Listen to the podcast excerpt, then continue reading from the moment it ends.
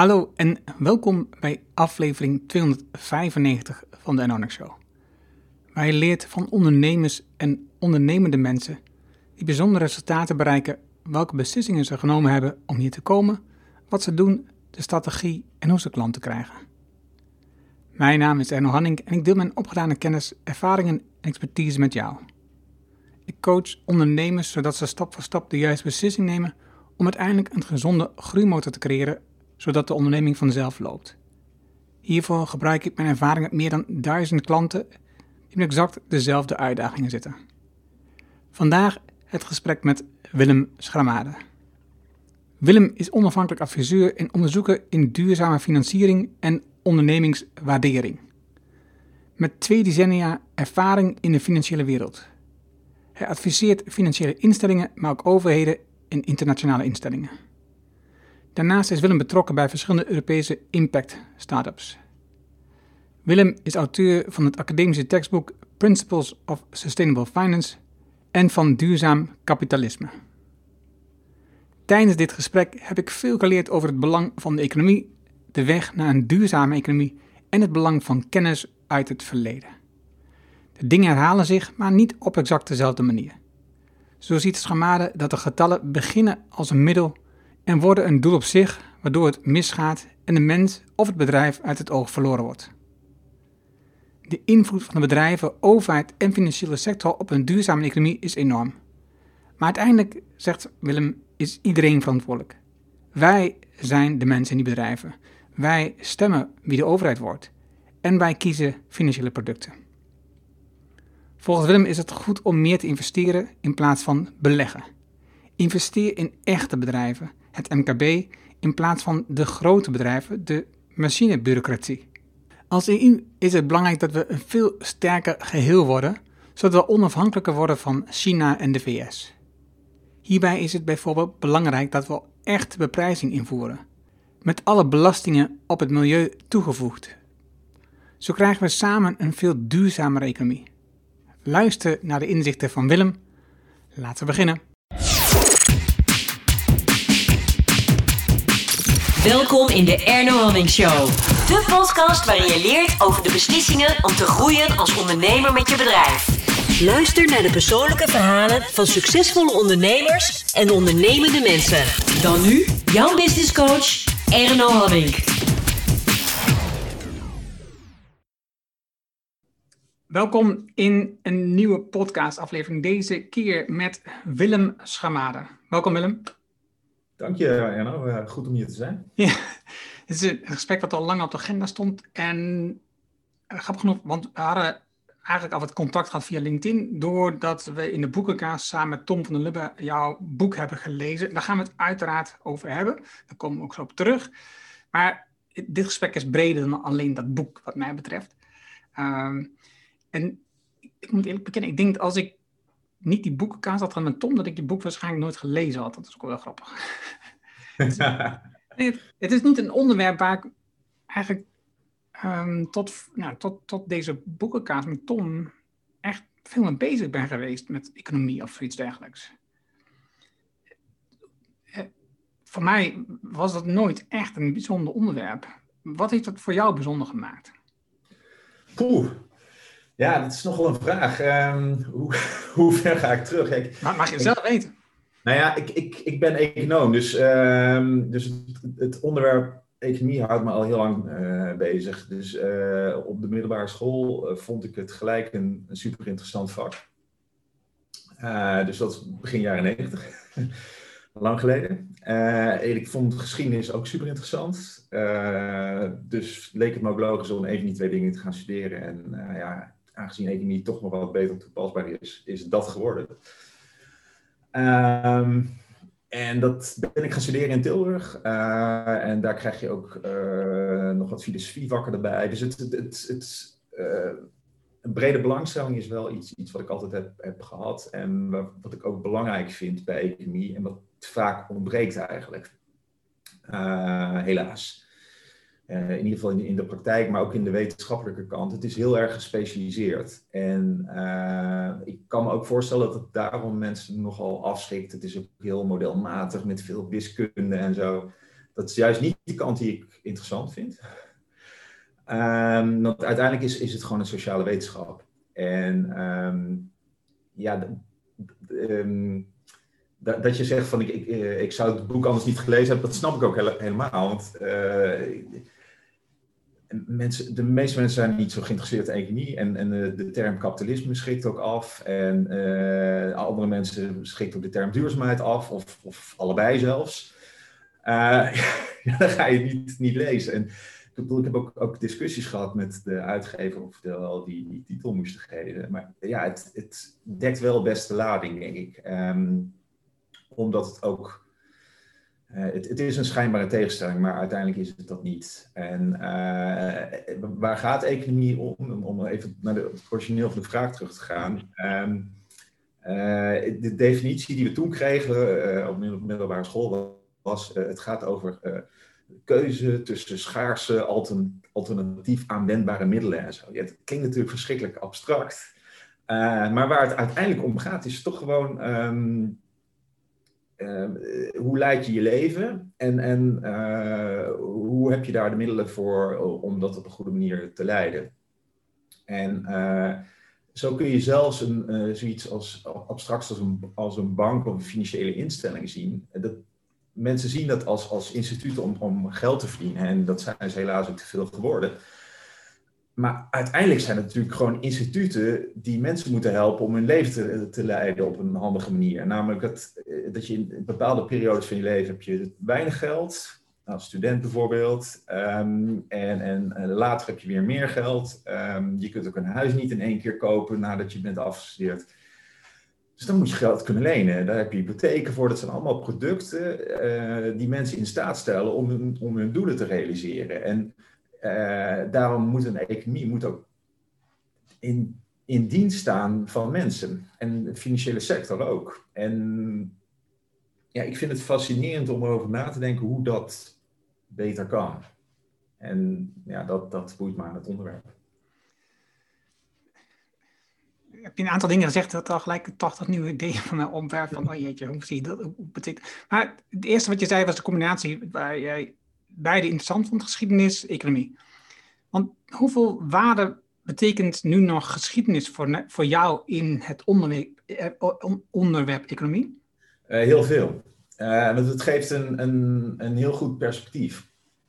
Kijk, als je economie alleen maar beschouwt zoals het nu is, dan denk je dat alles wat nu gebeurt normaal is.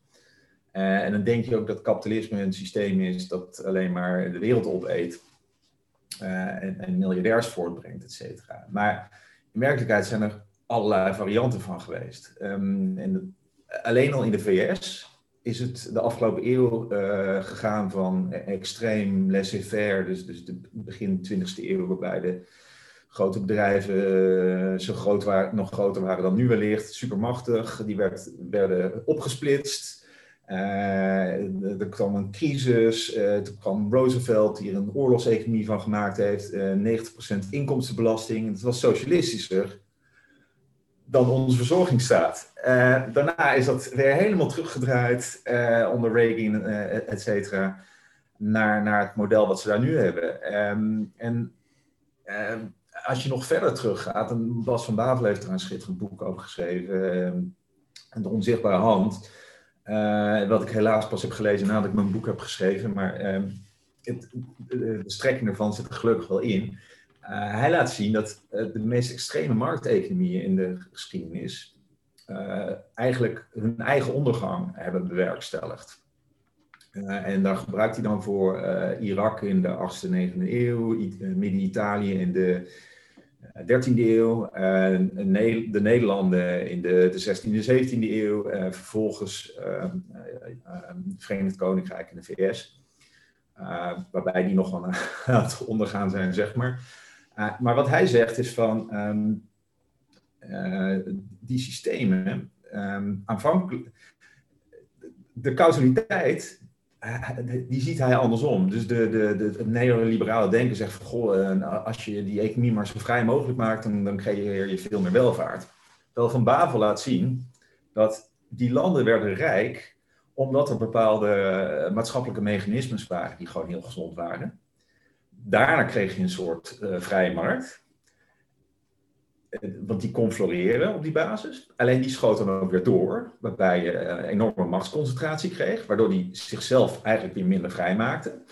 de nieuwe elites, die, die grepen vervolgens de macht ten koste van de rest van de bevolking. Zodat je eigenlijk weer naar een soort neo-feodale toestand ging. en dat, dat, is, um, dat, dat zie je pas als je het historisch gaat bekijken. En ook de, de ideeën van Adam Smith en Karl Marx en weet ik veel allemaal. zijn allemaal in een bepaalde historische context ontstaan. Dus die, dat, ja, zonder geschiedenis, dan, dan, dan ben je economie echt veel te beperkt aan het bekijken. Zie, zie je dan ook dat de geschiedenis zich gewoon herhaalt? Uh, ja, al is het, ik geloof dat Mark Twain dat zei, de, hij herhaalt zich niet precies, hij rijmt vooral. dus het is dezelfde soort dingen zie je wel terugkomen. Um, dus dus die, die, nu zie, heb je ook weer die machtsconcentratie van bedrijven. Uh, ik, uh, liberalen zijn altijd heel erg gericht geweest op, op het gevaar van een te machtige staat. Uh, en uh, dat snap ik ook. Ik beschouw mezelf ook als een liberaal. Maar wat ze vaak vergeten is dat uh, grote bedrijven net zo'n groot gevaar voor de samenleving kunnen zijn als, als de grote overheden. En dat ze ook prima kunnen samenvallen. Dus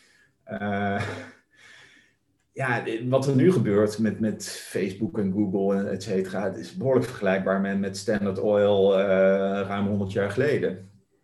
Alleen, ja, eh, niemand die toen leefde, leeft nu nog. dus het is allemaal. Um, maar, het is, maar, het is wel allemaal vastgelegd. Het is allemaal onderzocht al meerdere ja. keren. Dus je, je vraagt je haast af waarom wij als mensheid zo slecht in het leren zijn van onze geschiedenis. Ja, ja ik, denk dat ja, het is toch een, beetje die korte termijn prikkel die we voortdurend hebben. Uh, nieuws consumeren, de, niet aan reflectie toekomen, uh, ook niet de kennis daarvan hebben. Um, ja, wat, wat, wat, denk jij daarvan? ik ben nu bezig met een boek um, van, pff, ik ben natuurlijk zijn naam kwijt, de man van um, Kate Hayward. Oh, ja. Krasneric of zoiets. Ja, precies. Eh, de, en, en dat gaat... Ook de, voor, de goede voorouder. Eh. Ja, ja, en dat gaat dus, dat gaat dus over, over het lange termijn denken. En waarbij, we dus, waarbij hij dus um, ineens volkeren vergelijkt die, die veel meer lange termijn denken. In zeven generaties noemt hij bijvoorbeeld uh, als, als, als een voorbeeld. Ik heb het zelf al een paar keer in mijn blog over gehad over de kinderen van mijn kinderen en daar weer de kinderen van. Uh, dus ik, ik denk dat daar dat het veel beter is voor jezelf, maar dus, maar dus voor onze kinderen nog veel belangrijker, is dat wij meer nadenken over wat is het wat wij achterlaten, welke, welke wereld bouwen we op, welke omstandigheden creëren we, waarin onze toekomstige generaties moeten leven. En dat is, dat is niet eenvoudig, want je moet dus voorbij uh, de huidige, de, de, de, het moment van nu kijken. Dus de, de, de prikkels die je nu krijgt om iets te kopen of um, een aanbieding of um, een investering die je kunt doen, je pensioenfonds, je bank, je, al die dingen, al die elementen die bij afkomen continu, dan moet je dus de hele tijd eigenlijk een soort van negeren om te blijven te concentreren op wat is eigenlijk de lange termijn consequentie van dit. Ja, ja en wat is, wat is waardevol? En uh, wat ik ja, daar zijn natuurlijk wel mechanismes voor. Hè? Dus um, uh, wat ik een aardige vond bijvoorbeeld is, um, uh, ik weet niet meer wie het was, maar iemand heeft aangegeven dat uh, een van de redenen dat Europa succesvol werd ten opzichte van die andere werelddelen, lag waarschijnlijk in de organisatie van de katholieke kerk. Met de rol van het celibaat daar ook in. want wat je daardoor kreeg was dat uh, en, en ook het, het, recht waarbij um, mensen wel een, een functie hadden. In het, het, katholieke recht, volgens mij uit de 11e of 12e eeuw. Mensen hadden wel een functie waarbij ze konden beschikken over bepaalde activa. Maar het werd niet hun eigendom. En ze konden het ook niet aan een familie geven. Terwijl in alle andere culturen, ook bij de islam en dergelijke, daar werd het gewoon aan elkaar gekoppeld. Dus die hoge kerkelijke die had ook gewoon kinderen aan wie hij dan dat doorgaf. Waarbij je dus een complete versmelting kreeg ehm, tussen kerk en, en, en samenleving. Terwijl ehm, die katholieke geestelijke in de 12e eeuw en dergelijke, die konden, konden dus daadwerkelijk een lange termijn visie bepalen voor wat zij gingen doen. omdat het uh, ze deden het voor het instituut en niet voor, uh, voor zichzelf. Niet, niet voor hun eigen rijkdom of die van hun kinderen. Uh, zelfs de kinderen was al korte termijn in vergelijking met, met wat ze met zo'n instituut probeerden te bereiken. dus als jij een kloosterorde opzet, ja, die, die kan dus eeuwen bestaan. maar ja, goed, er bestaan ook voorbeelden van Japanse bedrijven die, die, die meer dan duizend jaar hebben bestaan. Uh, Arie de Geus heeft natuurlijk dat boek ooit geschreven, De Levende Onderneming. Ja, daar staan ook schitterende dingen in over, over hoe je dat soort structuren kunt creëren. En een belangrijke daarvan is, is ook gewoon uh, het minder financieel maken. Want die financiële doelstellingen die, knijpen de rest vaak toch uit. Ja, ik, vind, dat boek hebben we ook voor de boekenkaas ook gelezen. Ik vond dat ook een wonderbaarlijk boek. Met name als je er goed over nadenkt, hè, dat, dat de organ, en dat, dat zie je bij Krasnik ook terugkomen. Hè? Dus, uh, het, woord kathedraal komt regelmatig terug. Hè? Dus het bouwen van een kathedraal is ook een lange termijn project. En en uh, de Geus heeft het ook over bedrijven die een levend organisme worden. Doordat je bijvoorbeeld mensen opleidt in, in kennis op een bepaald vakgebied. Maar dat dan weer deelt in je bedrijf. Zodat die kennis niet in die ene persoon blijft. Maar in de organisatie komt. En waardoor die organisatie tot het leven komt. En ook die kennis kan doorgeven. Ja, ja. Ja, ik, kwam het ook laatst tegen in dat boek van, um, van Ad Verbrugge en Jelle van Baardewijk, het, het Goede Leven in de Vrije Markt. En dan noemde zij die uh, Britse filosoof uh, McIntyre, die heeft het over praktijken. En, in praktijken, dat, dus dat, zijn vaak uh, beroepsgroepen, die geven ook kennis door. Dus artsen, accountants, juristen, et cetera dat is voor hen ook een gevoel, van trots. Dat is ook uh, hoe je een gemeenschap bouwt. En als je die gemeenschap ziet, uh, ja, dan, dat is weer iets waar, waar, waar je als liberaal uh, eigenlijk tekort schiet. met te weinig oog voor de gemeenschap. Zo'n gemeenschap die bouwt wel degelijk dingen op die over tijd iets in stand houden. de academische gemeenschap is natuurlijk ook zo een. Alleen als, als die te veel prikkels krijgen, ehm, of dat nou financiële zijn of andere, dan wordt dat vaak weer uh, kapot gemaakt, uh, intrinsiek. Dus artsen die worden afgeleverd, uh, worden afgerekend op het aantal behandelingen. Ja, die gaan dus dan dat maximaliseren, maar intussen neemt hun beroepseer af. of academici die, die x aantal publicaties moeten hebben. Ja, die worden er eigenlijk ook armer op, mentaal gezien. Um, zie, zie, je dan niet daar ook dus het effect van het Anglo-Saxische model, waarbij je dus waarbij getallen de hoofdrol gaan spelen? Dus als je dus aantal behandelingen, um, aantal uh, publicaties, dat zijn allemaal uh, dingen die uit de Anglo-Saxische omgeving komen. Ja, nee, klopt. Dat, dat, uh, dat is zeker zo. En, en um, in die zin heb je natuurlijk uh, in, in continentaal Europa allerlei mechanismes die gezonder zijn, die dat tegen kunnen gaan. Dus uh,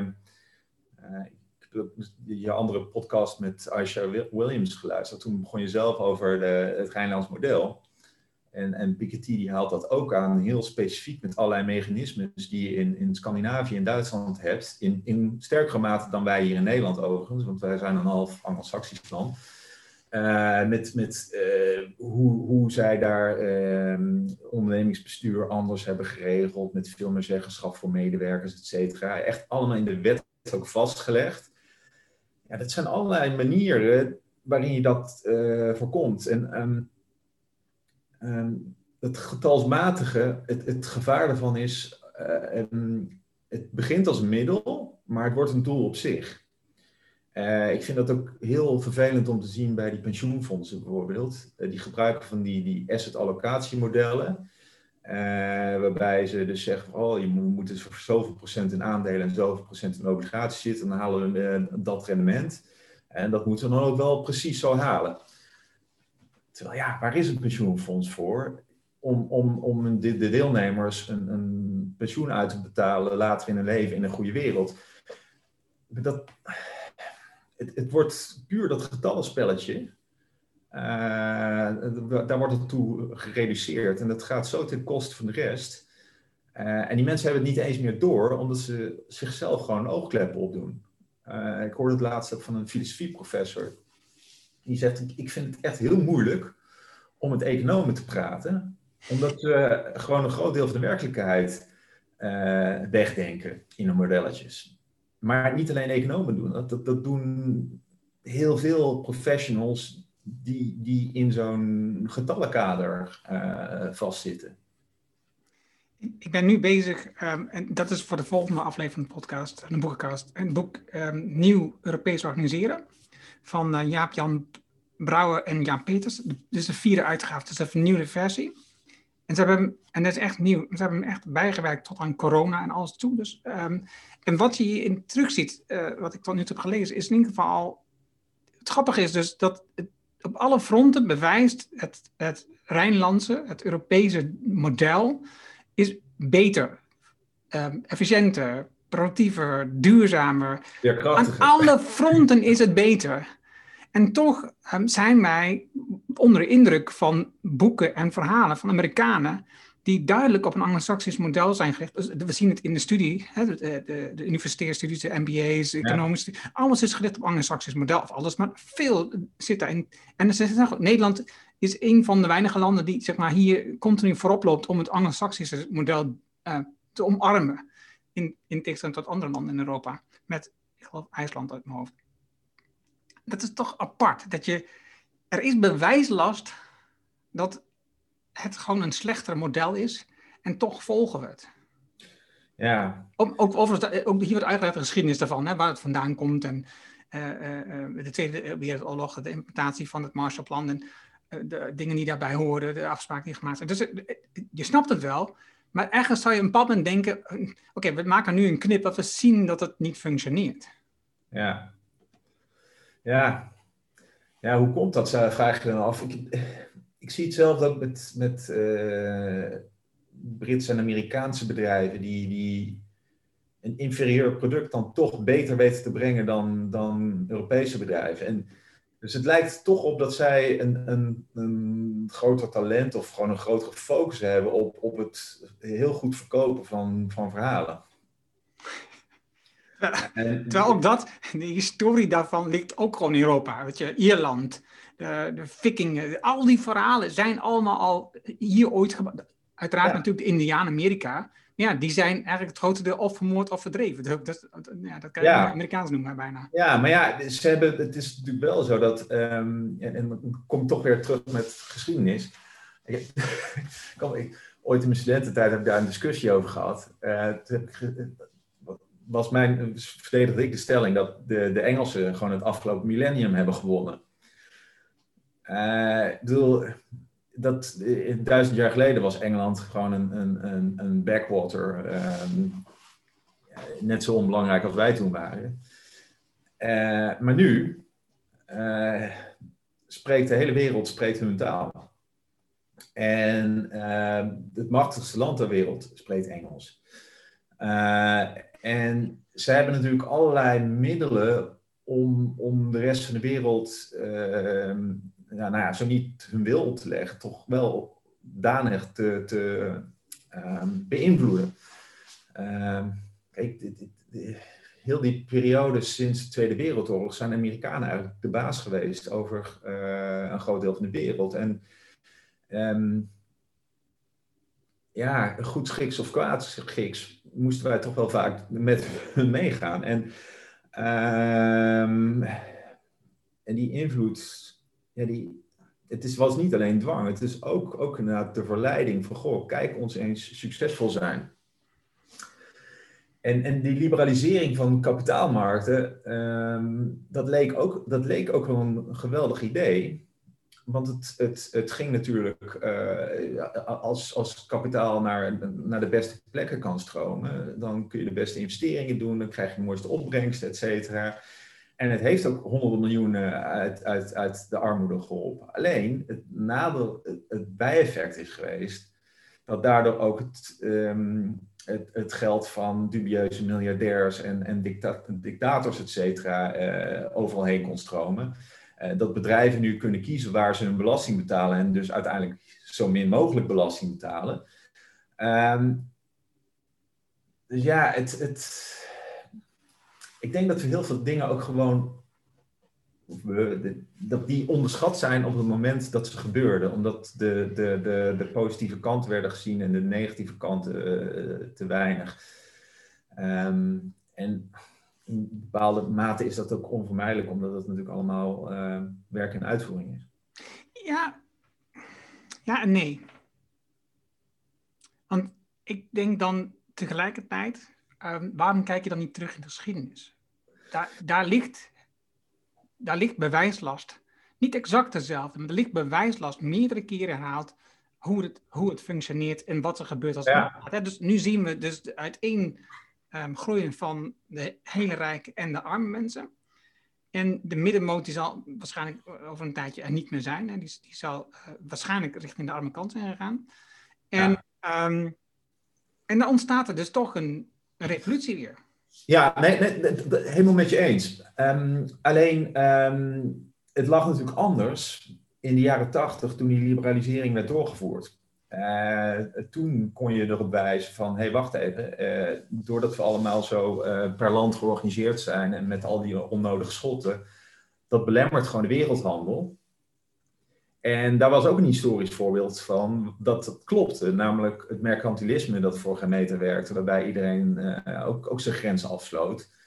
Toen ging de markt open uh, in de 19e eeuw en toen kwam er meer bedrijven uit en, handel, et cetera. Dus um, het, het, probleem is natuurlijk, uh, er zijn vaak aan allebei de kanten uh, goede verhalen te, te, te vinden. Mm-hmm. En natuurlijk, waar, waar, waar kom je op dat moment vandaan? En de jaren 70 waren natuurlijk economisch een, een, een ramp. Um, waarbij uh, je de oliecrisis had en, en uh, het, ineenstorten van de, het onbetaalbaar worden van de verzorgingsstaat, et cetera. Dus die reactie in de jaren 80 vond ik nog niet zo gek. Alleen het, het, het wat we het stomme is dat we daarna niet een correctie terug hebben gedaan, maar dat we het allemaal steeds erger hebben gemaakt. En ik denk dat we nu wel op een punt zijn waarbij mensen um, zich dat realiseren. En uh, dat nu ook in het verkiezingsprogramma van de VVD van alles staat, waarvan je tien, tien jaar geleden eerder bij de PvdA had verwacht. Of, of sterker nog, die tien jaar geleden voor de PvdA nog te, te, uh, weer te ouderwets waren. Het is ja, ik zie, ik zie het toch vooral als een, als een, als een natuurlijke uh, golfbeweging. Mm. Uh, maar tegelijkertijd, hoe zeg ik, ja. Dit, ik heb het boek natuurlijk ook geschreven vanuit een bepaalde um, frustratie dat het me te langzaam gaat. Ja.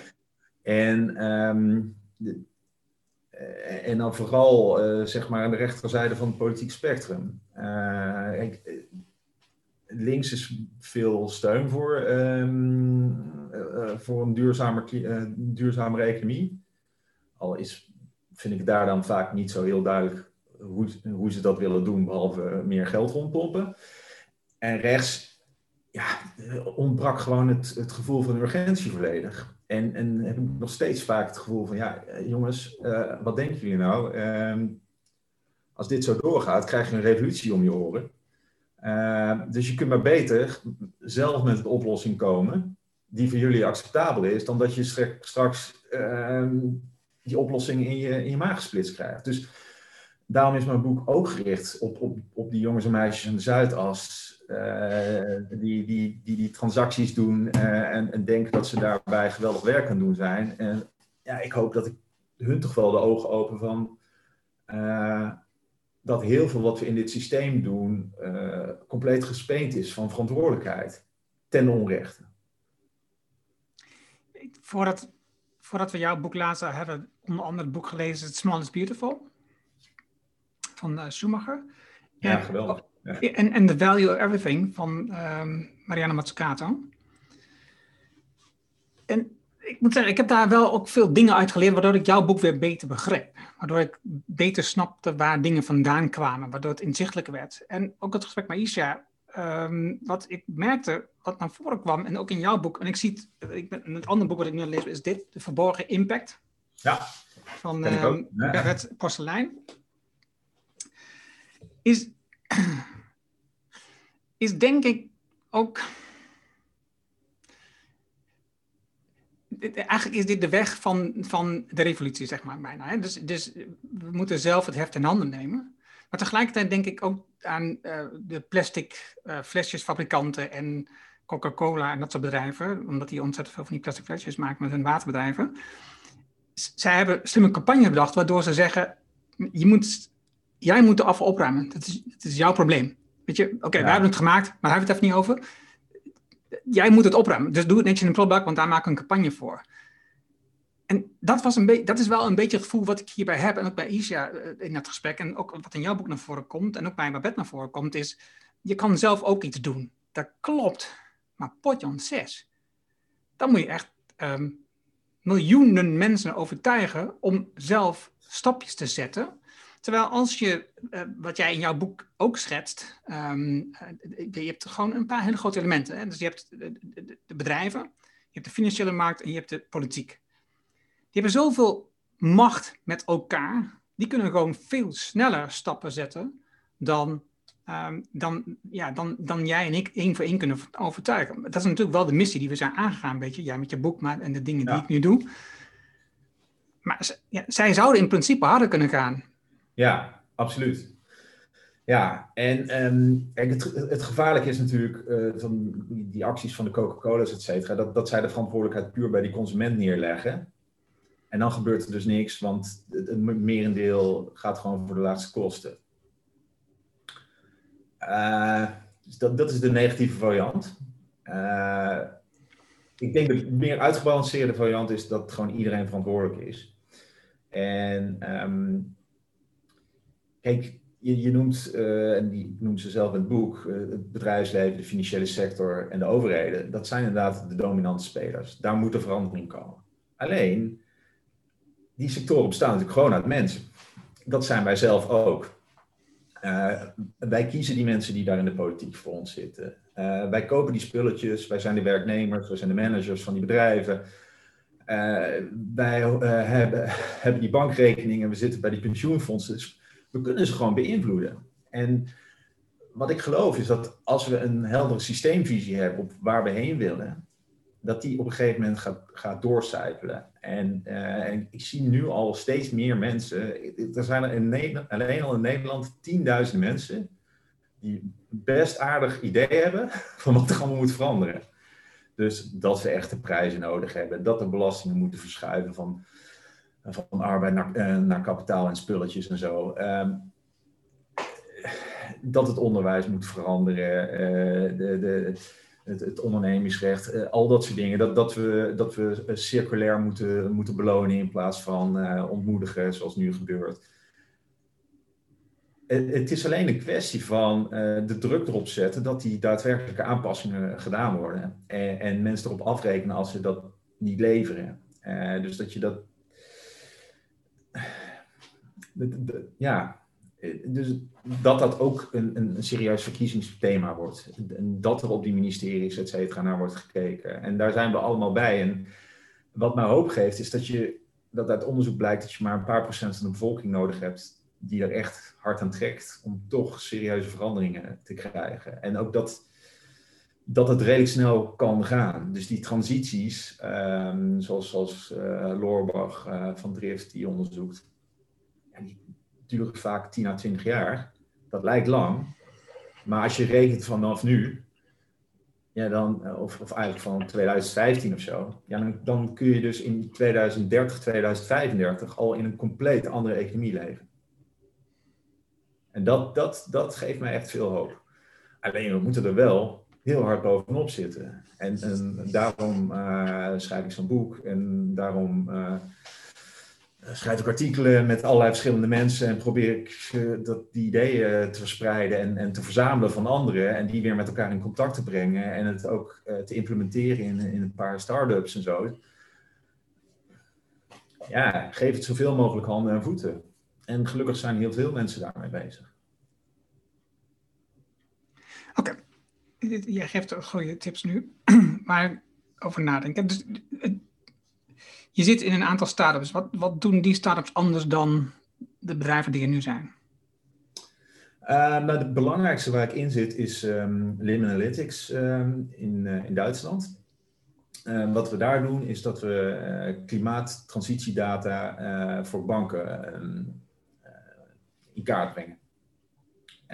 een van de bottlenecks bij banken is dat zij zijn heel erg gericht op kredietmodellen en daar zit geen klimaatrisico in, want daar hebben ze niet de juiste data voor. Nou, wij willen ervoor zorgen dat zij die data wel hebben en zo beter kunnen inschatten wat, hun, wat het transitierisico is van specifieke leningen, sectoren, et cetera.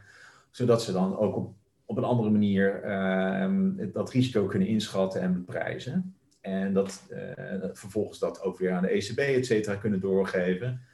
Zodat die financiële sector op een andere manier naar die risico's gaat kijken niet alleen maar door de achteruitkijkspiegel van, goh, wat zijn historisch de, de rendementen geweest. Nee, uh, als we nou uh, helemaal gaan naar elektrische auto's, wat betekent dat dan? Uh, dat betekent niet alleen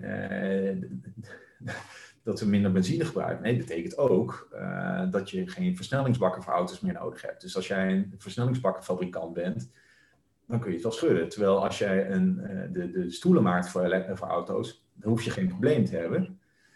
Uh, mits je wel aan de juiste fabrikant levert. Dus stel die grote fabrikant, uh, Franse autofabrikant die mist de boot.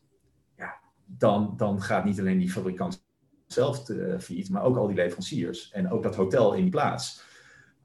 door die hele keten heen kijken, echt naar de business erachter, daar is de financiële sector verschrikkelijk slecht in. En dat proberen wij hiermee helder te maken. Heb je enig idee waarom zij daar zo slecht in zijn? Uh, ja, omdat ze in van die modelletjes denken. Hm. En die modelletjes, ja, het is typisch economengedrag, die worden zoveel mogelijk gereduceerd tot, uh, tot dat wat lekker meetbaar is en, en een aardig resultaat heeft opgeleverd in het verleden. Maar die zijn niet future-proof. En waarom, waarom, waarom heb jij dat anders ontwikkeld? Je komt uit dezelfde omgeving. Ja, nee, dat, dat is een hele goede vraag. En um, uh, ik moet toch een beetje geschiedenis geven. um, ik ben in 2007 ben ik bij Robeco gaan werken als aandelenanalist. En um, daar volgde ik de industriële sector. Dus dat was eigenlijk bedrijven die aan andere bedrijven leveren. En um, daar raakte ik al in aanraking met veel bedrijven die geld verdienen met um, uh, energiebesparing. Dus wat natuurlijk een mooie win-win is. Dus je, je, je zorgt dat de, energierekening van je klant lager is en verdient er meer geld mee. In 2009 ging ik over naar de basismaterialen sector. En we kregen een nieuwe CEO, uh, Roderick Munsters van de APG, die zei: Jullie moeten wat met duurzaamheid gaan doen. En dat was een probleem, want dat konden we niet. Onze beleggingsaanpak was namelijk vrij simpel. Uh, wat wij wilden was, wij wilden beleggen in bedrijven die volgens ons meer waard waren dan de beurskoers aangaf. Is ook een financieel model mee uh, voor, de zogenaamde discounted cashflow analyse. Uh, maar ja, hoe koppel je dat aan duurzaamheid? Uh, dus toen ging ik weer graven in wat ik bij PwC had gedaan, maar die een van uh, immateriële activa en al, al dat soort technische dingen. Um, en uiteindelijk heb ik toen een methode bedacht, waarbij we dachten, we gingen terug naar de basis. Wat is nou het verband tussen financiën en duurzaamheid? En dat is niet een ESG-rating of zo, zoals mensen denken. Nee, het is het verdienmodel. Het verdienmodel is zowel de basis van, uh, van je duurzaamheid als van je, uh, als van je financiën. Als jij een goed verdienmodel hebt, ja, dan ben je meer waard op de beurs. Uh, maar hoe komt dat verdienmodel tot stand? Dat bepaalt hoe duurzaam je bent. Dus ja, eh, op basis van dat idee bedachten we een drie-staps uh. Eerst is van, voor ieder bedrijf dat we analyseren, wat zijn hier nou de, de, de materiële duurzaamheidskenmerken? Nou, voor een mijnbouwer dan gaat het bijvoorbeeld over van, uh, wat voor materialen maak je überhaupt? Is dat uh, goed voor Um, het maakt nogal wat uit of je kolen maakt of uit grond haalt. Of dat je koper of kobalt voor elektrische auto's maakt. Dat is het eerste. Maar ook hoe ga je om met de omgeving? hoe, en dan niet alleen de natuurlijke omgeving, maar ook de, de local stakeholders. Terwijl voor Zuid is het weer compleet anders. Dan moet je vooral in, innovatief zijn. de, de, de kwaliteit is extreem belangrijk compleet anders. Dus helemaal contextafhankelijk wat jou een duurzaam bedrijf maakt of niet. Nou ja, dus eerst bepaal je wat is zijn belangrijke zaak. De tweede stap is van, um, als je dan weet dat dit je, de, de, materiële zaak zijn, doet dit bedrijf dan beter of slechter dan een concurrentie op dit gebied? als het het beter doet, ja, dan moet je dus ook, uh, dan kun je daar een concurrentievoordeel uit ontlenen. Nou, de derde stap was, link naar, het naar, naar, de, naar de waardering, is van, als je dan beter bent, uh, heb je dan uh, hogere omzetgroei, hogere marges of een laag risico of iets dergelijks. Nou ja, dan kun je dat dus gewoon kwantificeren. Want als, als je dan bijvoorbeeld 2% sneller groeit, ja, dan, kom je misschien wel op uh, eh, 15% hogere waardering uit. Volgt gewoon uit je model, uit je, uit je aannames. en dat was ja, dat was voor mij wel de, de crux toen. En de, de eye-opener was het meest duidelijk. Van, dat ik gewoon zag goh, ik, ik had in mijn sector had die mijnbouwbedrijven die gewoon miljarden verloren aan stomme projecten waarbij ze ja, gewoon voldoende, onvoldoende rekening hielden met die, met die factoren. Dat was een, een mijnbouwbedrijf Anglo-American. Dat, dat, ging, dat dacht voor 2,5 miljard een, een mijn in Brazilië aan te leggen. Dat heeft ze uiteindelijk 13 miljard gekost, omdat ze vergeten waren om bepaalde milieuvergunningen aan te vragen. Uh, en tegelijkertijd had ik bedrijven als, als DSM en zo, die, die juist um, nieuwe producten op de markt brachten die, die duurzamer waren en daarmee nieuwe, nieuwe markten aanboorden. Ja, dat, dat, dat was wel wat, wat mij de ogen opende en waardoor ik op dat idee kwam: goh, nou, dit is gewoon prima te linken. Alleen, we zijn nu tien jaar verder en nog steeds denken de meeste financiële instellingen: oh, we plakken er gewoon een duurzaamheidsfactortje op en dan de dan is het risico ietsje hoger of lager. Maar je moet gewoon. Heel dat beleggen moet gewoon weer investeren worden. Uh, het, het, het gaat echt om, om het inschatten van wat gebeurt er nou in de echte wereld en is dat een goede zaak of niet. Ja, dat, dat, dat moet gewoon terugkomen. Beleggen moeten investeren worden, zeg je. Ja. Kan je iets concreet uitleggen wat dat betekent voor jou? Ja, beleggen is um, te veel een econometrisch spelletje geworden waarbij je gaat optimaliseren van uh, goh, uh, rendementen uit het verleden. Dat is ook precies de, de, reden waarom pensioenfondsen denken dat ze per se in oliebedrijf moeten zitten, omdat die de afgelopen tientallen jaren niet al te slecht hebben gedaan. dat je puur vanuit een model denkt wat je in de toekomst aan rendement gaat halen op basis van een paar karakteristieken. Een bedrijf is dan alleen maar een paar ratio's de mensen die bedrijven, die zie je al helemaal niet. Dat is gewoon een paar ratio's. In die aanpak is duurzaamheid gewoon een extra, extra getalletje erbij. Terwijl bij investeren, en ik zag het heel goed in die uitzending van Tegenlicht afgelopen uh, zondag. Ehm, dat ging over groen geld. En gelukkig ging driekwart van de uitzending over ondernemers en niet over de investeerders. Want die ondernemers, dat waren gewoon mensen die met kansen bezig waren. De echte die waren gewoon op zoek naar van wat is hier mis en, en hoe kan het beter? Ja, daar moet je in investeren. Je investeert in, in de nieuwe modellen eh, die in de toekomst gaan werken. En je investeert niet in de dingen uit het verleden die te, te gronden gaan. En die, heel die visie ontbreekt gewoon als jij aan het beleggen bent op de econometrische manier uh, van optimalisatie van covariantiematrices en weet ik veel wat, wat al de, de technische termen zijn. Eh, dus wij hebben gewoon uh, beleggers die grotendeels getraind zijn in het in getalletjes analyseren, maar niet de bedrijven en de omstandigheden daarachter. En dan neem je dus ook niet de goede beslissingen. Uh, ja, het, wat mij betreft valt het gewoon in dezelfde categorie als de toeslagenaffaire. Je bent als, een, als een bureaucraat wat, wat variabelen aan het optimaliseren, maar je vergeet de werkelijkheid erachter. Dus als mens, als individu, zou je meer moeten investeren dan beleggen. Ja, ja. Zeker. En En daarom zie ik ook een, heb ik er ook een probleem mee dat het bedrijfsleven altijd op één grote hoop wordt gegooid. Want ik zie een groot verschil tussen, tussen het MKB, waar nog echt ondernomen wordt, en grote bedrijven die gewoon als, als, als machinebureaucratieën worden aangestuurd en die veel meer op de overheid lijken. Die ook minimaal zo bureaucratisch zijn als de overheid. En, en minimaal zo star. Ja. Oké, ik even terug. Um, ik wil naar twee dingen terug. Een beetje lastig onthouden. Ik wil terug naar jouw andere start-up. Um, maar even nog één stapje eerder terug. We hadden het er straks over um, het Anglo-Saxische model en dat we dan gekoppeld zijn en je noemde het, hoe groter zijn geworden en dat daar alles dan gekoppeld is of invloed hebben. En tegelijkertijd zien we nu de macht verschuiven richting China. We zien toch dat China steeds meer invloed krijgt in de wereld. Um, op allerlei fronten, maar zeker op de, op economische front. Dus hoe zij met geld omgaan, waar ze investeren in Europa, in havens, in treinen, in centrales. Um, hoe zie je dat?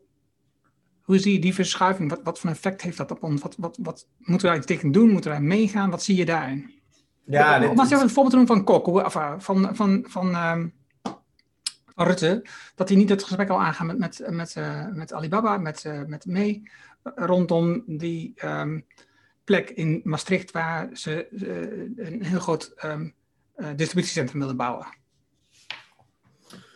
Ja, die, die specifieke situatie ken ik, ken ik onvoldoende. Maar, maar, ehm, Alibaba wil in Europa een distributiecentrum hebben. En eh, een, een, mogelijke optie is Maastricht.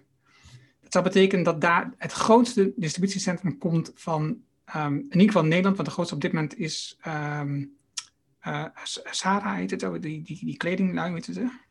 Inditex, ja. Nou, in ieder geval, die hebben 155.000, dit zou 450.000 hectare zijn. En, of uh, vierkante meter. En wat ze, waar ze geen rekening mee houden, is het eh, toename van het vliegverkeer, toename van vrachtwagens, um, de weinig um, intellectuele arbeid die daarvoor nodig is. Het zijn vooral mensen die gewoon pakjes verschuiven.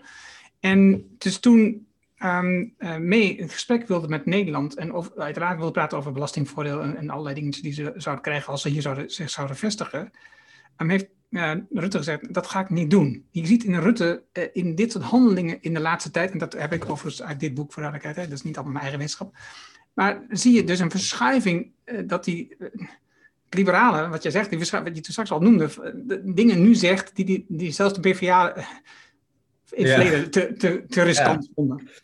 Ja, nou ja, oké, dat zijn ook weer meerdere dingen. Um, ja, sorry. Nou ja, ik, ik snap wel dat hij dat doet, want um, zulke, distributiecentra, uh, natuurlijk, het lokaal bedrijfsleven zal dat geweldig vinden, maar per saldo worden we daar armer van in plaats van rijker. En ik denk dat hij zich dat realiseert. Ik denk dat we dat soort dingen nog onvoldoende expliciet duidelijk maken, maar we worden er wel, ons wel steeds bewuster van. dus nog, nog, nog los van China. Uh, dan China zelf. Um, ja, ik, ik denk dat eh, China een nog afschrikwekkender voorbeeld is dan de Verenigde Staten als ons voorland. Um, dus um, kijk, net zoals dat je met te veel uh, vrije markten uiteindelijk je, je vrijheid ondergraaft. Ja, de, de, andere kant op ondergraaf je hem nog duidelijker natuurlijk. Hè? Als je een, een, een politiestaat hebt zoals ze in China hebben, uh, waarbij je een, een, een, kredietscore per persoon hebt. En... Verschrikkelijk. Dus de, de, de, ja, ik wil niet afhankelijk zijn van de VS, maar al helemaal niet van China. En ik denk dat dat besef ook wel uh, steeds groter wordt in Europa. Uh, en, en ook uh, juist ook in die hele discussie rondom IT-bedrijven. Kijk, uh, wat Facebook en Google doen, daar ben ik niet blij mee. Maar wat de, hun Chinese equivalenten doen, is natuurlijk nog veel enger. Ehm, kortom, we hebben gewoon Europese techbedrijven nodig. Die bovendien goed gereguleerd worden. net zoals dat je elektriciteitsbedrijven en, en, en spoorwegmaatschappijen goed reguleert het moet gewoon een soort nutsbedrijf worden. Je hebt, je hebt een, een, systeem nodig waarbij iedereen zijn eigen digitale data zelf kan opslaan. En volgens mij is Leen Papen uh, bezig met zo'n project waarbij je die data ergens zelf kunt opslaan. Dat vind ik echt een heel, heel interessant initiatief. Um, maar nog los van heel de IT-discussie, de, de, invloed van China. Um, ja, dat, dat is een heel apart onderwerp. Ik heb verschillende boeken over China gelezen. Bijvoorbeeld dat, dat van uh, Frans-Jan van der Putten van Klingendaal. Is echt een, een, een mooi boek daarover. En, en daar komt weer de geschiedenis om de hoek kijken. Dat land voelt zich natuurlijk vernederd door uh, twee eeuwen onderdrukking door, door het Westen en Japan. In Japan hebben ze nog grotere rekel aan, dan aan ons. Uh, dus ze zijn nog steeds revanche aan het nemen voor de opiumoorlogen en, en voor de Japanse bezetting en, en weet ik wat allemaal. En ze voelen zich omsingeld door, door, um, door vijanden. Uh, Rusland is dan nu een vriend, maar is traditioneel ook een vijand. Uh, India hebben ze ook altijd ruzie mee. nou ja, intussen, Zuid-Korea is een Amerikaanse bondgenoot, Japan is een Amerikaanse bondgenoot, Filipijnen, Zelfs Vietnam is tegenwoordig meer pro-Amerikaans. Uh, dus zij voelen zich omcirkeld, ze voelen zich bedreigd. En dat houdt dus die, dat, dat bewind daar ook uh, in stand. Uh, dus ze, ze, cultiveren dat, die, vijandig, die vijandigheid met, met de rest van de wereld ook. Dat, dat is eigenlijk het sociaal contract van die communistische partij daar. Ik bedoel, niemand gelooft echt meer in communisme, maar wel dat dat, dat de manier is om China groot te maken. Um, dus ja, wij, wij zullen moeten laveren tussen uh, enerzijds realisme dat, dat dat land nou eenmaal zo functioneert. En anderzijds ja, ons wel uh, wapenen tegen de invloed van, van dit soort landen. En dat betekent, denk ik, dat we als EU veel sterker moeten worden. En dus dat we heel veel dingen gemeenschappelijk moeten gaan doen. Um, en dat is niet alleen goed tegen China, maar ook om onafhankelijk te zijn van de VS. Ook om, om uh, duurzaam kapitalisme te realiseren. Want als wij um, echte beprijzing willen hebben van CO2 en dat soort dingen, ja, dat kunnen we maar deels in Nederland doen. Je hebt dat heb je op Europees niveau nodig, waarbij je ook een, een border tax hebt. Dus als Chinees staal komt, dat daar gewoon een CO2-prijs wordt, uh, wordt afgerekend. Maar ook die Koreaanse auto waarin dat Chinese staal weer zit, moet, dat moet allemaal ingeprijsd worden. En als je dat op Europees niveau regelt, ja, dan, dan kun je een, een, een veel duurzamere economie uh, creëren. En dan kun je tegelijkertijd laten zien dat de EU relevant en belangrijk is en uh, legitiem, uh, et cetera. Je, je, je, slaat zoveel vliegen in één klap door dat goed te regelen. Dus die Green Deal, als ze dat echt voor elkaar krijgen, ja, dan, dan, ja, dat, dat zou geweldig zijn. Ik, ik vind dit gewoon al gewoon een geweldig uh, inzicht, weet je. Het belang wat, wat natuurlijk ook gewoon nu in de politieke programma's aantal wat het vergaart, het Europese beleid en de structuren en organisaties. De, de, hoeveelheid geld die daarheen moet gaan van ons uit en wat we ervoor terugkrijgen. Maar ik, precies wat jij schetst. Maar wat, in mijn optiek ook, als je historisch terugkijkt, dat is exact de reden waarom het ontstaan is, de Europese Unie. Om juist jezelf te ontwikkelen, om juist sterker te worden tegen over die grote machten, om juist um, onderling dingen te organiseren. Ik zat toevallig een aantal uh, programma's te kijken van de Deutsche Welle. Hebben goede documentaires over dit soort dingen, over het effect van China, de investeringen die ze hier doen. Maar dan zie je dat een land als Italië of Griekenland en uh, Bulgarije, dat die dus zelf keuzes maken die heel lastig zijn. Hè? Dus, dus ze laten een Chinees investeren binnen om de haven op te bouwen of wat dan ook, um, om de Chinese zijderoute opnieuw aan te leggen. En komen daarmee ook in ja, conclave, discussie, in, in, in, in ongemak met de Europese Unie. Want die willen juist dit soort dingen um, verminderen, afbreken af en, en, en, en ontzenuwen en, en, en niet realiseren. Maar ja, zo'n regio in Italië die hebben in, in die video was het mooi te zien, of niet documentaire was het mooi te zien, zij hebben enorm geloof gekregen in China, hoe zij acteerden rondom de coronacrisis en hoe zij plotseling met um, uh, beschermingsmiddelen kwamen die in Europa niet, niet kwam. Ja, ja. vreemd. We hebben altijd, we hebben de afgelopen tijd uitbesteed, we hebben het helemaal niet meer in huis. Zo onder, uh, ondergraaft Nederland met zijn harde houding naar Zuid-Europa ook de EU. Uh, dus, ja, ik kan me best voorstellen dat iemand in Italië meer vertrouwen heeft in China dan in Nederland of Duitsland. Uh, dat is zo verschrikkelijk jammer. En het, dat komt ook weer door een gebrek aan perspectief. Uh, mensen in Nederland denken dat wij allemaal uh, voortdurend euro's overmaken naar het zuiden. Terwijl uh, zij subsidiëren, subsidiëren, ons waarschijnlijk effectief nog meer dan wij hen. Doordat we met de goedkope euro zo makkelijk kunnen exporteren. Wij hebben het, het grootste uh, procentuele exportoverschot van Europa. We zijn nog erger dan Duitsland. Ja, dat, hoe dat dan weer geframed wordt, als, als dat wij de, de betalen voor Zuid-Europa. Het is eerder om, omgekeerd hoor. En, en intussen laten we dus geen enkele solidariteit naar hen zien. Uh, ja, ik vind dat heel jammer. En uh, de rol van Duitsland vind ik net iets positiever in die zin dat zij dus wel afgelopen zomer die, die deal hebben gemaakt, uh, terwijl wij in Oostenrijk en zo dat niet deden. Aan de andere kant zit Duitsland dan weer heel slecht in de wedstrijd wat betreft uh, de houding naar Rusland. Dus dat ze die, die pijplijn aanleggen en uh, dat die auto-industrie daar um, uh, die CO2-prijs tegenhoudt en, en, en, samen met Polen en zo. Dus je hebt nog steeds allerlei nationale krachten, vaak populistisch of, of bedrijfsmatig gericht, die het grote geheel uit het oog verliezen. Uh, waarmee we toch nog uh, de zaak blijven onder, ondergraven.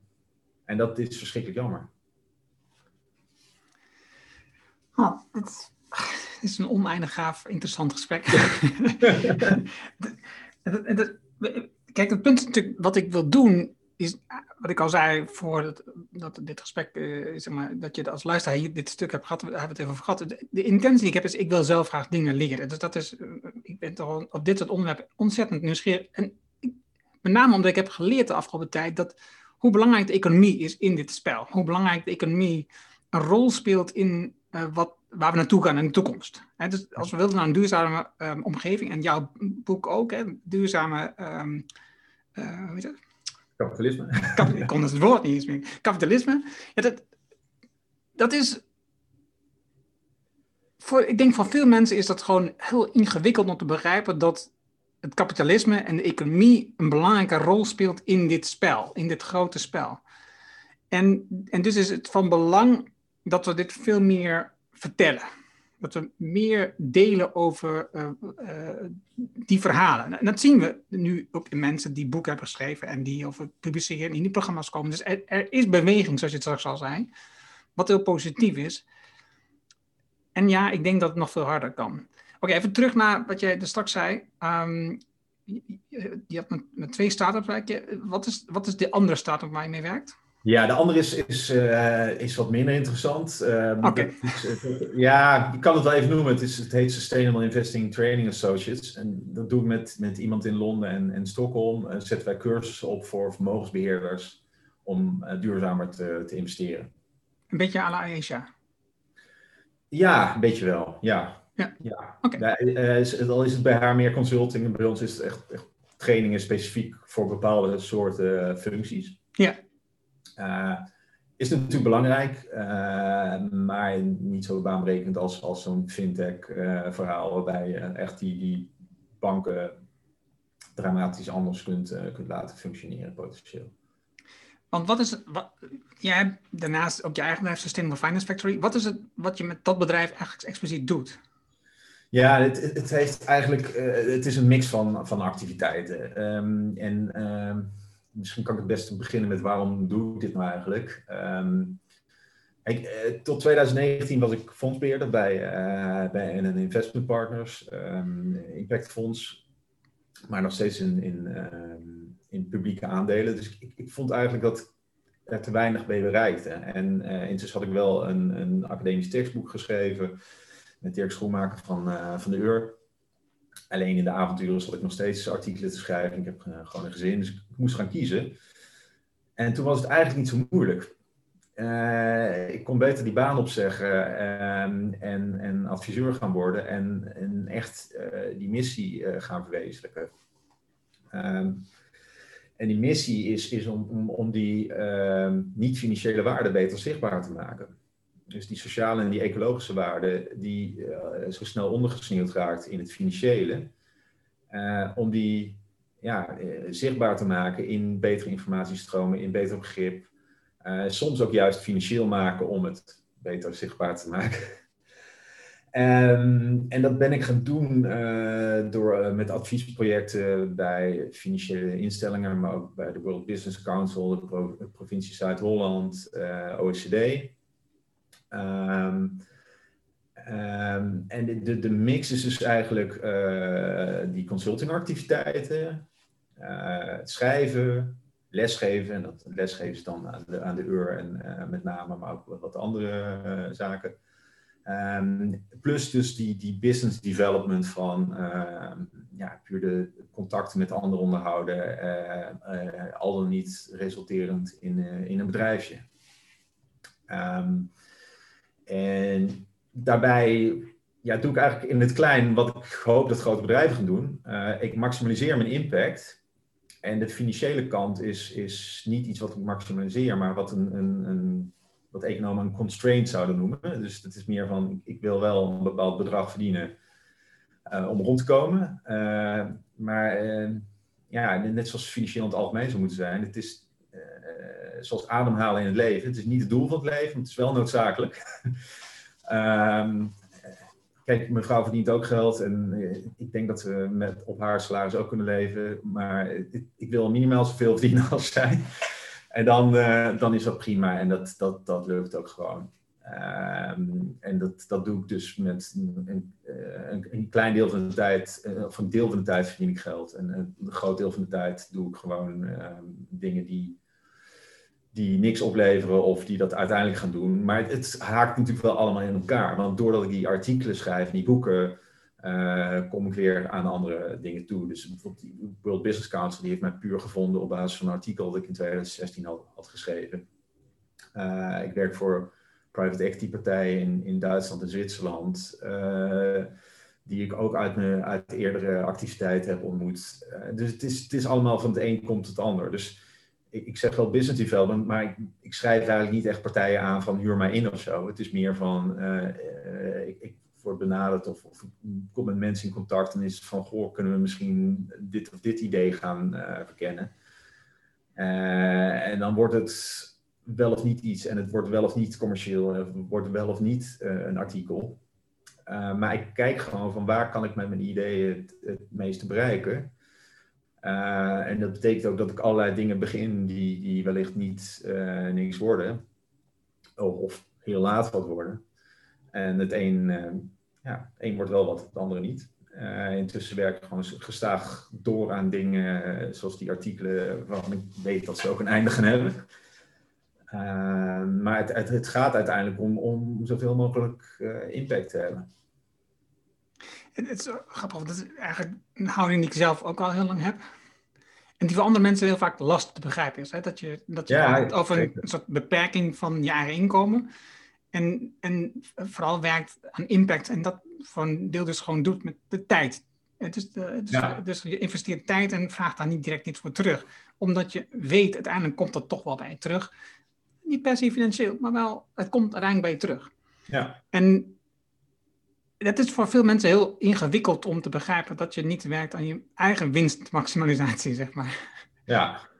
Dus ik heb er, ik heb er regelmatig discussie over met anderen die dat niet begrijpen, laat ik zo zeggen. Het is mooi om iemand te horen die er, die er ook zo in staat. hoe, hoe, hoe, doe je dat zelf qua, qua tijdsindeling ook? Hoe, hoe, eh, hoe manage je dat, om die balans goed te bewaren? Ja, dat is ingewikkeld, denk ik, maar ook weer niet. Um, het, het is natuurlijk een leerproces. En, en, waar ik nu op zit, is dat ik, wat ik, zoals ik het omschreef, is dat ik in de ochtend werk um, aan mijn bedrijf en in de middag werk in mijn bedrijf. het is niet helemaal, het is, zoals een podcast nu is ook eigenlijk werken aan mijn bedrijf en niet echt in mijn bedrijf. Maar dus de gesprekken die ik heb voor de coaching met ondernemers, die organiseer ik zoveel mogelijk in de middag. Zodat ik in de ochtend de ruimte heb om artikelen te schrijven, podcasts voor te bereiden, eh, dingen te plannen, dingen te organiseren. Um, zodat ja, dat het impactstuk wat ik, waar, ik, waar ik mee bezig wil zijn ook zijn tijd krijgt. Want als ik, als ik niet zo'n grens trek en de dingen dan mee organiseer, um, wordt dat, merk ik bij andere ondernemers ook, sneeuwt dat al snel onder. Dus die, die opdrachtgever vraagt steeds meer tijd van je. Je levert goed werk en daar komen meer opdrachtgevers. Dus je, wordt steeds meer overvraagd door, door de opdrachtgevers als je het met goed werk levert. En dat betekent dat ook eigenlijk dus je eigen werk steeds verder onder druk komt te staan. En dan krijg je ook weer een schuldgevoel over. Dit zijn dus dingen waar ik met ondernemers mee bezig ben. Dus ik probeer dus ook ondernemers te helpen om juist daar aan te werken. Om dat beter te om de indring te creëren voor jezelf, waarbij je dus juist ruimte maakt voor dat stuk van impact. Ja, nee, dat, dat herken ik ook, ook bij mensen met wie ik samenwerk. Um, dat heel veel hebben er toch moeite mee om, om deadlines te halen. Want dan is het ook zo'n stuk samenschrijven, is voor hun dan, ja, dat is lagere prioriteit dan de commerciële dingen. Terwijl als je er gewoon gedisciplineerd aan werkt, ja, dan moet je dat toch ook gewoon kunnen redden. Uh, en dat is toch een kleine minderheid die daar, uh, die, die, die, die dat goed kan, lijkt het. En wat ik ook nog wel eens als indruk heb, is dat veel mensen uh, überhaupt die stap niet maken om ondernemer te worden, omdat ze ehm, toch met allerlei angsten in hun hoofd uh, rondlopen. En, uh, en ook wel dat, dat, je als ondernemer ook wel degelijk met bepaalde onzekerheden moet omgaan waar veel mensen liever niet mee omgaan. Dus de fluctuatie in je inkomen, dat je zelf volledig verantwoordelijk bent voor, voor de richting die je geeft dat het ook gewoon heel veel reflectie vraagt. Ja, ik kan me voorstellen dat dat voor veel mensen uh, niet goed werkt. En uh, ik heb ook nog wel eens de indruk dat mensen uh, zich verschuilen achter bepaalde argumenten, terwijl dat, dat niet echte argumenten zijn. Bijvoorbeeld het, het, het, het hebben van een financiële buffer. Uh, dat, ja, het is, bedoel, het is handig om die te hebben. Het is ook zeker fijn. Maar hoe, hoe groot moet die nou eigenlijk zijn? Uh, nee, dat, is, dat, is, natuurlijk een hele relevante vraag en ook een actuele vraag. Want dat, is, dat geldt niet voor van ondernemer die in zijn eentje werkt. Dat geldt ook voor die grote bedrijven. Die, ja. zouden, die zouden ook een financiële buff moeten hebben. En, en die hebben ze opgemaakt. Die hebben ze uitgedeeld aan hun aandeelhouders. Ja. En, en toen dat op was, zeiden ze, ja, overheid, we hebben geld nodig, want anders kunnen we niet voorbestaan. Hmm, als je toch ietsje nadenkt vanuit jezelf, vanuit gewoon, gewoon boerenverstand zouden we zeggen, ja, dan, dan weet je dat je een buffer moet hebben. Het hoeft niet super groot te zijn, maar je moet wel rekenen, er komen ook gewoon slechte tijden. Nou, dat is, ik, ik denk dat dat van ondernemen belang is, maar dat is ook gezin van belang. En misschien om dit af te sluiten, misschien is het ook gewoon überhaupt wel een goed idee om mensen um, jonge mensen, misschien moet ik zeggen, vanaf het begin meer inzicht te geven, dus meer les te geven in de economische omgeving, in de financiële wereld, in hoe je omgaat met geld. Omdat een deel het gewoon niet begrijpt, omdat ze het gewoon ja. niet snappen hoe het werkt. Niet, niet eens de ingewikkelde weer, maar gewoon alleen hun eigen inkomen en een buffer en um, een hypotheek en uh, leningen aangaan en uh, de toekomstvoorziening. Er zitten zoveel aspecten in die ze niet begrijpen. Dus enige basiskennis op dat vlak. Ja, ik denk dat dat, dat dat een goede zou zijn. Ja, dat en, uh, en ook het psychologische. Ik bedoel, het is wel grappig. In het begin had, had, had ik het erover dat dat, of was dat zelfs nog voor onze bespreking, dat dat, ja, dat was nog ons voorpraatje van dat, dat we te veel met economie en psychologie bezig zijn. Maar in het onderwijs mag het juist wel wat meer. Dus het zou heel prettig zijn als, als, als leerlingen uh, al veel eerder iets van psychologie uh, weten, zodat ze ook beter hun eigen karakter kunnen inschatten, zodat ze weten waar ze, hoe ze ergens in staan. Uh, voor mij was het ook wel handig geweest van tevoren als ik me had gerealiseerd, als ik sneller had begrepen van, oh, daarom ben ik een beetje anders, omdat ik gewoon wat introverter ben dan anderen, uh, et cetera, et cetera. Dat, dat had me echt wel geholpen, denk ik. het financiële, ja, ook dat. Ehm, hoe, hoe, bouw je een buffer op? wat is je uitgavenpatroon? Ehm, ehm, hoe investeer je in jezelf? En, en dat, ja, dat, dat is ook gewoon denken over je, je eigen ontwikkeling. Dat, dat, dat is beide dingen eigenlijk. Dat is zowel dat psychologische als dat, als dat financiële. Uh, maar ik, ik, denk dat veel mensen uh, prima ondernemer hadden kunnen worden. als ze gewoon niet, um, niet die topzware hypotheek en, en, die belachelijk dure auto hadden, hadden aangeschaft. Ehm, en ja, misschien is dat waardevenster dan ook wel een aardig om, om gewoon op je persoonlijke situatie toe te passen. Um, ik bedoel, ja, heb je die auto echt nodig? Ik woon in de stad, ik heb drie kinderen. Um, toen ik mijn baan had opgezegd, heb ik ook mijn leaseauto laten staan en geen nieuwe auto gekocht. Nou, er waren mensen die waren daar, daar verbaasd over dan dat ik mijn baan had opgezegd. Terwijl ja, eh, want ja, oh, je, hebt, je hebt drie kinderen, hoe kun je dan zonder auto leven? Ja, nou, ja prima. Uh, in de stad heb ik hem niet nodig. Uh, en als ik hem wel een auto nodig heb, ja, dan huur ik hem. En je hebt hier zelfs deelauto's en weet ik wat allemaal. Prima te doen. Uh, dus mijn footprint is lager, mijn kosten zijn lager. Win-win zou ik zeggen. Ik, ik, uh, nee, ik ga ook niet keer dat pad op. Ik, ik vond het fantastisch om met je te praten, Willem. Ik vond het heerlijk om van je te horen. Als, als we een nieuwe kans krijgen, uh, ga ik graag nog een keer met je in gesprek. Oh, verdere verdieping. Je boek, uh, daar hebben we het niet zo over gehad. Uh, ja, door de bank genomen wel, maar dat, als, dat weet je alleen als je het boek hebt gelezen. Maar als je, als je daar meer over wilt weten, of je meer wat diepgang over dit boek wilt hebben, dan luister naar onze boekenkaast. Zou ik zeggen, ik zal het link in de show notes geven. Dan, um, of zoek op mijn website even op um, duurzaam kapitalisme. Dan vind je het boek, die boekenkaast aflevering direct. ik, ik ik dank je wel van harte, uh, Willem, dat je was, dat je met me sprak. Ik vond het echt leuk. Uh, hoe kunnen mensen met jou in contact komen als ze je meer willen weten? Uh, ja, LinkedIn is het makkelijkste. dus ik ben de enige Willem Schmade op LinkedIn. überhaupt zijn er 50 mensen met deze achternaam, dus dat, dat helpt. Ehm, ik heb ook een website en, die vind je daar ook als je goed op, het profiel kijkt. Um, en uh, dus dan uh, dus link gerust, stuur me een berichtje. Uh, ik, ik, vind het erg leuk om reacties te krijgen. Zeker naar aanleiding van interviews in het FD en, en Trouw hebben die best wel veel gehad. Juist ook van ondernemers. ondernemers die zoiets hadden van ja, dit is dan precies wat ik altijd al dacht. Goed omdat ik gestructureerd opgeschreven uh, dus uh, erg leuk om te zien. Uh, heel veel ondernemers en in mindere mate ook mensen uit de financiële sector en, en ambtenaren, maar vooral ondernemers. En, ik vind het echt geweldig om te zien hoeveel mensen met dit onderwerp bezig zijn. Het zijn er echt nog veel meer dan je zou denken.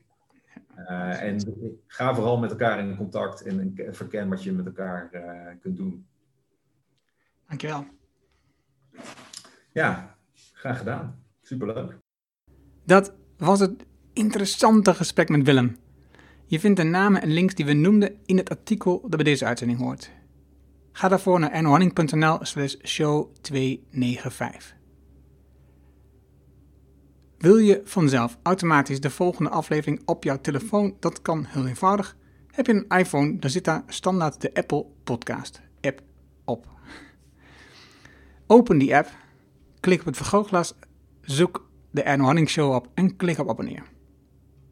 Heb je een Android-telefoon, ook eenvoudig, installeer dan eerst bijvoorbeeld de Player FM app.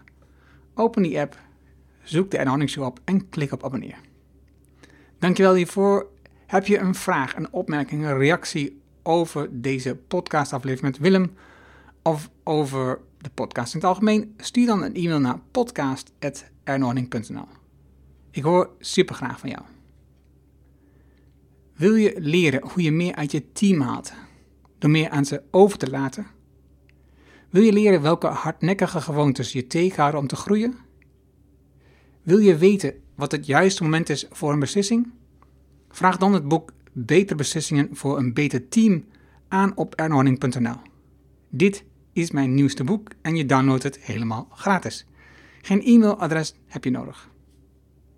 Er is ook een Kindle en een EPUB versie. Wil je de papieren versie van dit boek? Dat kan ook. Je betaalt dan alleen de verzendkosten. Mijn nieuwste boek is altijd gratis. Vraag het daarom nu aan. Vraag jouw boek aan op ernohanning.nl en ik weet, je hebt een volle agenda als ondernemer. Je leest het in één avond tijd. Dankjewel voor het luisteren en graag tot de volgende. Dankjewel voor het luisteren naar de Erno Hanning Show op ernohanning.nl.